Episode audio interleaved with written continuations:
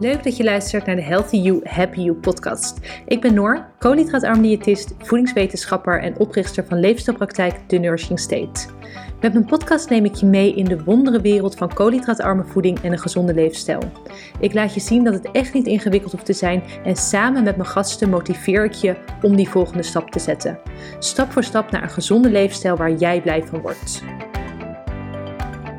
Deze aflevering wil ik je gaan meenemen in mijn koolhydraatarme boodschappenlijstje. Als je mij op Instagram volgt, heb je dit waarschijnlijk al wel voorbij zien komen. Ik heb iedere keer het idee van, joh, dit heb ik toch al laten zien. Het is nu best wel duidelijk wat ik eet. Is dit nog boeiend? Maar de reacties erop zijn altijd heel erg positief. En ik kan het me ook wel voorstellen, want het maakt wel heel inzichtelijk en geeft duidelijk een beeld bij hoe je nou koolhydraatarm eet. Ik laat je ook, nou ja, dat is in ieder geval mijn intentie zien dat het echt niet zo ingewikkeld hoeft te zijn.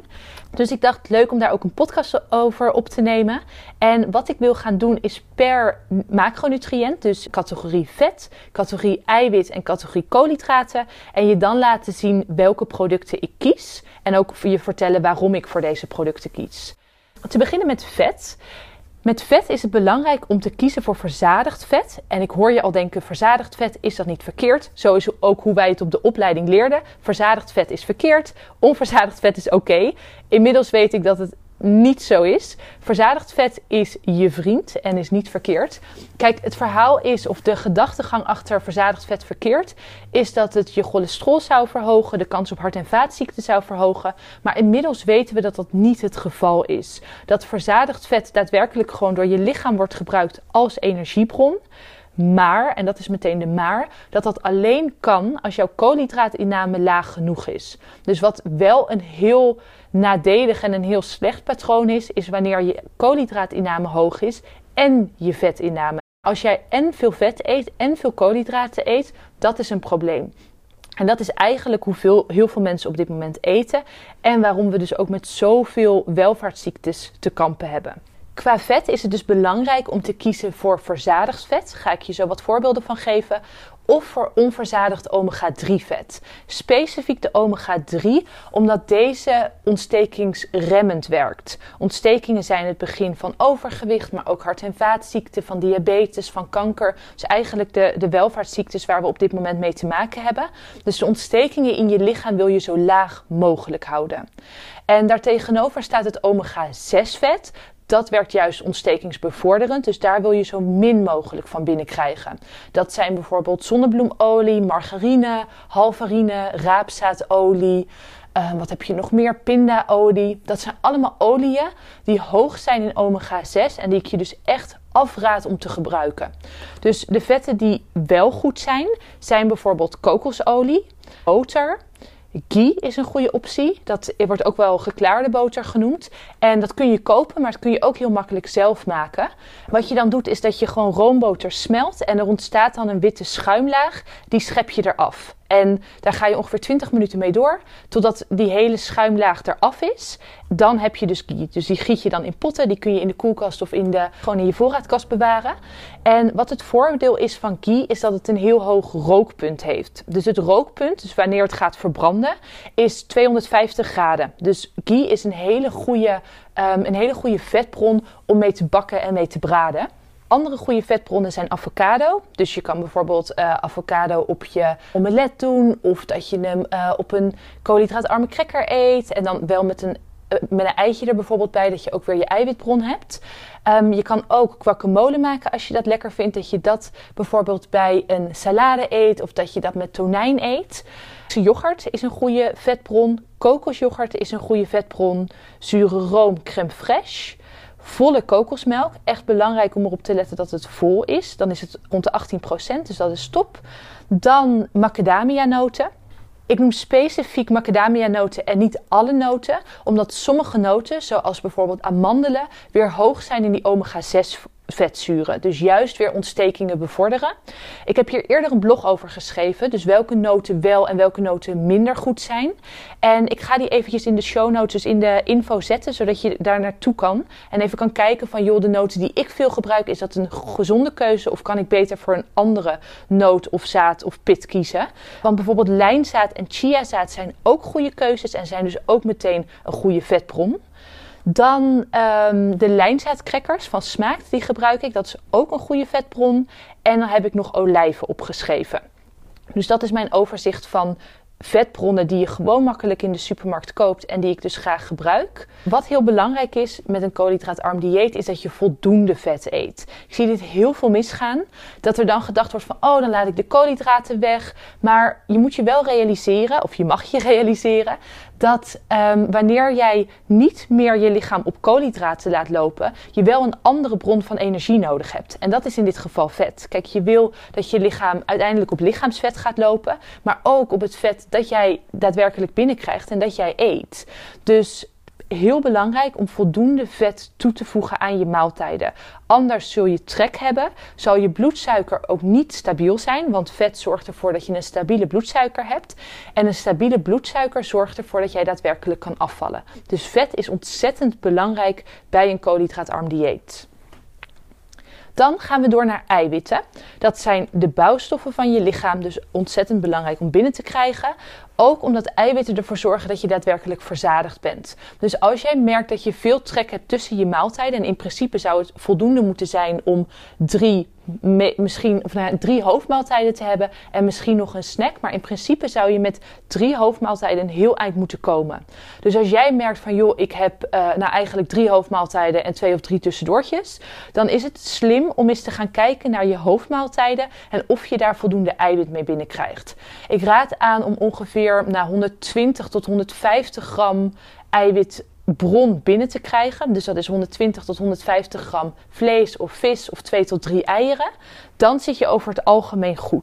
Dat is even een algemeen advies, want je eiwitbehoefte hangt ook af sowieso van je doelen. Als afvallen een doel is, dan is je eiwitbehoefte hoger. Het hangt af hoe actief je bent, het hangt af van je gewicht. Maar even om je een idee te geven, zou ik dus 120 tot 150 gram per maaltijd aanraden. En dan kijkende naar wat goede eiwitbronnen zijn. Sowieso is vlees een goede eiwitbron. Ik kies er zelf voor om zoveel mogelijk biologisch vlees te eten. En ik weet dat dit duurder is. Dat is gewoon hoe het is.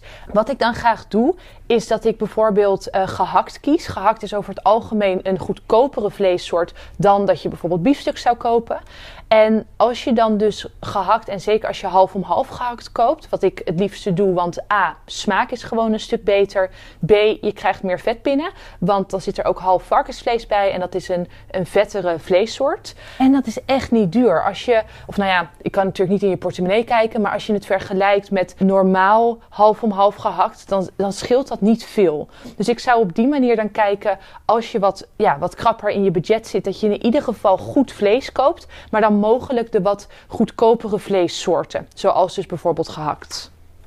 Dan is een ander goede eiwitbron kip. Dat koop ik ook graag. En wat, waar ik dan voor kies is um, kippendij in plaats van filet. Want filet is een heel stuk magerder. Kijk, als je dat lekker vindt, vooral doen. Maar ben je er dan wel bewust van dat je er extra vet aan zou moeten toevoegen? Terwijl dat als je voor kippendij kiest of voor um, bijvoorbeeld kippenvleugeltjes uh, met vel, dan krijg je daar al het vet uit binnen. Dus dan heb je eigenlijk een eiwitbron die ook meteen je vetbron is. En dan hoef je je daar minder druk om te maken.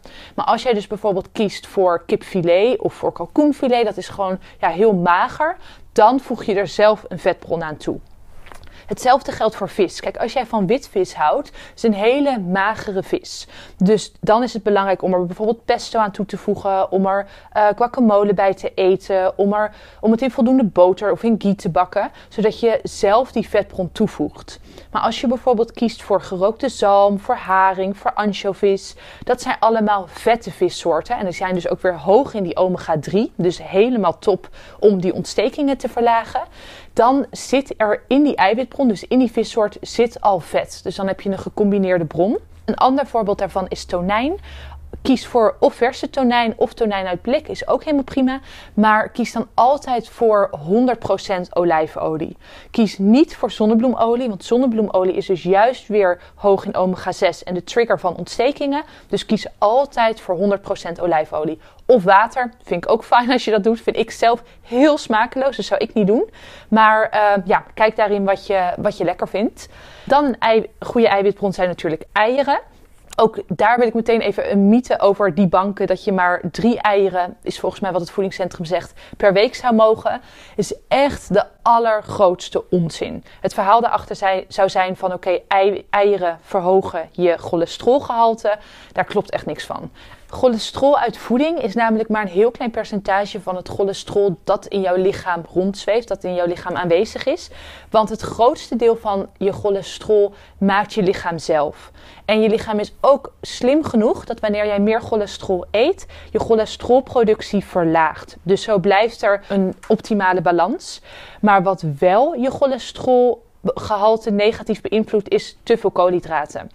Als je namelijk te veel koolhydraten eet, kan jouw lichaam niet meer overgaan op de vetverbranding. En dat is een probleem, want dan blijft dat vet in je aderen rondzweven. Dat verhoogt je cholesterol. Dus het eierenverhaal is echt onzin. Als jij iedere dag drie eieren wil eten, net zoals ik, dat doe ik namelijk ook, ehm, is dat echt geen probleem. Ik zou, dit zeg ik ook vaak, dat als ik één voedingsmiddel zou moeten kiezen wat eigenlijk bijna alle um, nutriënten die wij nodig hebben bevat, zou het een ei zijn. Dus oprecht maak je niet zorgen om je inname. Ik ben er vrij zeker van dat je meer eieren mag gaan eten dan minder. Eigenlijk zeg ik nooit dat je minder eieren uh, hoeft te eten. Dus eieren zijn echt een goede bron van eiwit. En daarnaast ook van vet, omdat de dooier wat vet. En Maak je daar dus ook geen zorgen om. Heb niet het idee van, oh, dan ga ik alleen maar eiwitten eten. Want juist in de dooier zitten ook weer de vetoplosbare vitamine D, E, K en A. Ontzettend belangrijk voor je gezondheid, dus neem dat hele ei. Dan een goede eiwitbron is ook kaas. En dat is ook meteen weer gecombineerd met vet. Dus dan heb je meteen weer beide componenten en spekknabbels. En ik weet dat dit is een beetje, uh, nou ja, you hate it or you love it. Ik vind het zelf heel lekker. Spekknabbels is eigenlijk gewoon, ja, varkenshuid. Dit klinkt waarschijnlijk niet heel lekker. Het is een beetje een chipsbeleving, vind ik. Maar dat is als je team lekker bent en niet team haat. Dus daar zou je ook naar kunnen kijken als eiwitbron. Ook omdat dat ja, weer hoog is in eiwitten en dus ook hoog in vet. Dus dan heb je meteen weer een goed gecombineerde bron. Dan gaan we naar de koolhydraten. Want ondanks dat ik koolhydraatarm eet en dat ik ook koolhydraatarm voedingsadvies geef, is het niet koolhydraatloos, is het niet nul koolhydraten. En is het ook niet zo dat je koolhydraten opeens als de duivel moet gaan zien. Maar dat het belangrijk is van oké, hoeveel koolhydraten eet ik? En daar bewuster mee omgaat. En dus kiest voor de voedingsmiddelen die laag zijn in koolhydraten. Maar je hoeft niet je, het is niet zo dat je geen koolhydraten mag eten. Want als je bijvoorbeeld kijkt naar champignons, naar tomaat, naar spinazie, zitten ook allemaal koolhydraten in in uis en knoflook zijn ook 100% koolhydraten. Dus het is niet realistisch, niet haalbaar en vooral ook niet leuk om koolhydraatloos te gaan eten. Dus ga je vooral ook niet te druk maken. Zeker niet om groentes, want ik zie dat heel veel voorbij komen van oh, kan ik dan wel pompoen eten en rode biet en tomaat en doperwten, want het is allemaal hoger in koolhydraten. Echt, maak je niet druk. Het leven is te kort dat jij je druk gaat maken over koolhydraten uit groentes. Dat is echt niet nodig. Wat ik je wel wil vertellen, is dat wanneer jij koolhydraten eet, je bloedsuiker stijgt. Dus ook al neem je iets wat laag is in koolhydraten, zoals bijvoorbeeld spinazie, dan heeft dat alsnog effect op jouw bloedsuiker. En is het dus belangrijk om het te combineren met vet. Dus als jij je spinazie bakt in uh, kokosolie en je eet dat met, of je uh, maakt daar een omelet van, top. Dan heb je je vetten, dat is de kokosolie. Je hebt je eiwitten, dat zijn de eieren. En je hebt je lage koolhydraten, dat is de spinazie. Dus dat is helemaal goed. Maar als jij bijvoorbeeld komkommer of tomaat los zou eten, dan heeft dat een effect op je bloedsuiker. En dat wil je voorkomen. Je wilt je bloedsuiker stabiel houden. Dus als je daarvoor kiest, voor bijvoorbeeld komkommer en tomaat, doe dat dan met bijvoorbeeld avocado, met guacamole. Of dat je het uh, in pesto dipt, maar dat je wel dus die vetbron hebt. Het is iets wat ik heel vaak mis zie gaan. Dat vrouwen denken van, oh, maar ik eet koolhydraatarm en dan neem ik een, een bakje blauwe bessen. Helemaal fijn, maar combineer dat met een vetbron. Dus combineer dat bijvoorbeeld met Griekse yoghurt of met kokosyoghurt, zodat je daadwerkelijk die vetbron hebt om je bloedsuiker stabiel te houden. Want alleen als jouw bloedsuiker stabiel is, kun je vet verbranden. Dus dat wil ik nog even heel duidelijk aangeven. Als we kijken naar de koolhydraatbronnen die ik graag koop en die ik graag eet, dat zijn zoals ik al zei blauwe bessen en frambozen. Die kun je ook prima bevroren kopen nu het winter is. Is helemaal geen probleem. Kijk daar vooral ook in wat je budget toelaat. Appel en kiwi. En dit zijn, als ik die ook voorbij zie, of als ik die voorbij laat komen in mijn stories op Instagram, dan krijg ik hier heel vaak vragen over van een appel, dat is toch niet koolhydraatarm? En een kiwi, zou je dat nou wel doen? En dan denk ik, joh, weet je, ten, ten eerste maak je vooral niet te druk. Ten tweede is die koolhydraat, de, de optimale koolhydraatinname voor iedereen anders. En ten derde is het heel belangrijk om het even in perspectief te plaatsen. Als je kijkt naar een appel, die bevat 15 gram koolhydraten. Een kiwi bevat 9 gram koolhydraten. Nou, als je dan bedenkt dat jij met 130 gram koolhydraatarm eet. En ik wil niet zeggen dat 130 gram voor iedereen ideaal is hoor. Het is over het algemeen echt wel een stukje lager. Maar als jij bijvoorbeeld rond de 60 gram koolhydraten zit. En je neemt een appel van 16 gram. Ja, dat is echt geen probleem. Dan eet je nog steeds heel erg koolhydraatarm. Als jij af en toe een appel neemt. En wat ik dan doe, als ik, een, als ik een appel neem, dan bak ik die in kokosolie. Gewoon omdat ik dat lekker vind, maar ook omdat ik dan dus een vetbron toevoeg. En ik eet hem dan met kokosjoghurt of met Griekse yoghurt. Dus dan heb ik meteen een goede vetbron om dus ook weer die koolhydraten uit de appel te soort van ja, neutraliseren en er dus zeker van te zijn dat mijn bloedsuiker stabiel blijft. Dan is dat dus echt, vind ik, geen probleem. En kijk, het is wel afhankelijk van waar jouw optimale koolhydraatbehoefte ligt. Ik zou je ook zeker aanraden om met een professional samen te werken om dat te achterhalen. Maar ja, over het algemeen en zeker dus voor mijzelf is een appel echt helemaal oké. Kijk, als je dat dan weer vergelijkt met bijvoorbeeld appelmoes of met uh, appelsap, heel ander verhaal. Want dan krijg je al snel zes appels binnen. Ja, en dat, dan telt het natuurlijk wel op. Dan zit je al bijna aan die 130 gram. Zeg ik dat goed? Nee, dat is overdreven. Maar in ieder geval dan zit je al wel richting de 100 gram. Dus dat is, ja, dat is gewoon echt heel erg hoog. Dus ben je daar bewust van? Weet je, als jij de vrucht eet en er daadwerkelijk een vetbron aan toevoegt, dan is het over het algemeen oké. Kijk, ik zou niet uh, zo snel banaan eten of ananas of mango, omdat dat gewoon een stuk hoger is. Maar ook daarin weer, weet je, als jij daar heel erg van geniet en als jij dat af en toe doet en bewust doet, is ook dat geen probleem. Het moet wel menselijk blijven. En waar ik altijd heel erg op aanstuur in mijn begeleiding is dat het ja, een leefstijlverandering is. Dus als jij er een leefstijl van wil maken die je daadwerkelijk vol wil houden. En jij wordt heel blij van ananas in de zomer. Ja, dan denk ik dat het prima is om af en toe ananas te nemen. Maar je er wel bewust van te zijn dat dat hoog in koolhydraten is. En dat je bloedsuiker daardoor dus hoger zal zijn. Even kijken. De andere uh, koolhydraatbronnen waar ik graag voor kies zijn pompoen um, rode biet. En wat ik dan doe, is dat ik ze blokjes snij met olijfolie in de oven doe. En dan wat cayennepeper, uh, wat doe ik nog meer, paprika en kaneel. Dat is echt heel erg lekker met kaneel. Misschien dat je denkt, mm, ik weet het niet. Maar het maakt het net wat zoeter. Dus dat vind ik zelf heel erg lekker. En kaneel heeft ook weer een positief effect op je bloedsuiker. Dus ook qua um, voedingswaarde of qua positieve effecten is dat echt een goede om toe te voegen. Dan tomaat, champignons, aubergine, courgette, spinazie, spruitjes. Dat nou ja, vind ik zelf een grappig verhaal. Wij aten vroeger nooit spruitjes, omdat mijn moeder daar niet van hield. En ik hoorde dan altijd bij vriendinnetjes van... Oh, spruitjes, zo vies, dat eten we vanavond. En ik dacht, ja, nou ja, mij niet gezien. Of in ieder geval, ik heb geen idee, want wij eten geen spruitjes. Dus ik denk dat ik, nou, ik denk dat ik twintig was of zo, dat ik voor het eerst spruitjes at. En toen dacht, wow, dit is eigenlijk super lekker. Dus nou ja, spruitjes eet ik inmiddels ook.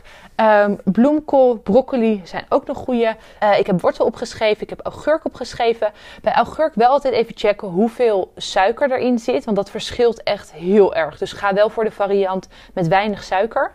En ik heb ook havermelk opgeschreven. Wat ik doe, ik wissel kokosmelk en havermelk af of ik combineer het. Ik kies liever voor havermelk dan voor amandelmelk. Omdat, wat ik al zei, amandelmelk hoog is in omega 6. Dus weer in die tekingsbevorderende vetzuren. Dus daarom kies ik liever voor havermelk. Ook al is dat wel wat hoger in koolhydraten. Maar ik voeg dat dan bijvoorbeeld, of ik combineer dat dan bijvoorbeeld met volle kokosmelk. En ook dan heb je weer die optimale balans ja, dan ben ik door mijn lijst heen. Volgens mij heb ik ook heel veel verteld. Als je dit twee keer wil luisteren, doe dat vooral. En ik link dus ook nog eventjes de blog naar de notenzaden pitten. Of degene die jij op dit moment eet een gezonde keuze zijn. Of dat je beter voor een andere kan gaan. Ben je klaar om in actie te komen? Top! Toch wat twijfels of vragen? Je hoeft het niet alleen te doen. Plan via onze website www.thenursingstate.com een vrijblijvend kennismakingsgesprek in. Dan denken we persoonlijk met je mee of een koolhydraatarme leefstijl ook bij jou past. Tot slot wil ik je om een kleine gunst vragen. Wil je de Healthy You, Happy You podcast beoordelen op Spotify of Apple Podcast? Dan kan ik nog meer mensen helpen naar een healthy, happy leven. Dankjewel en tot de volgende keer.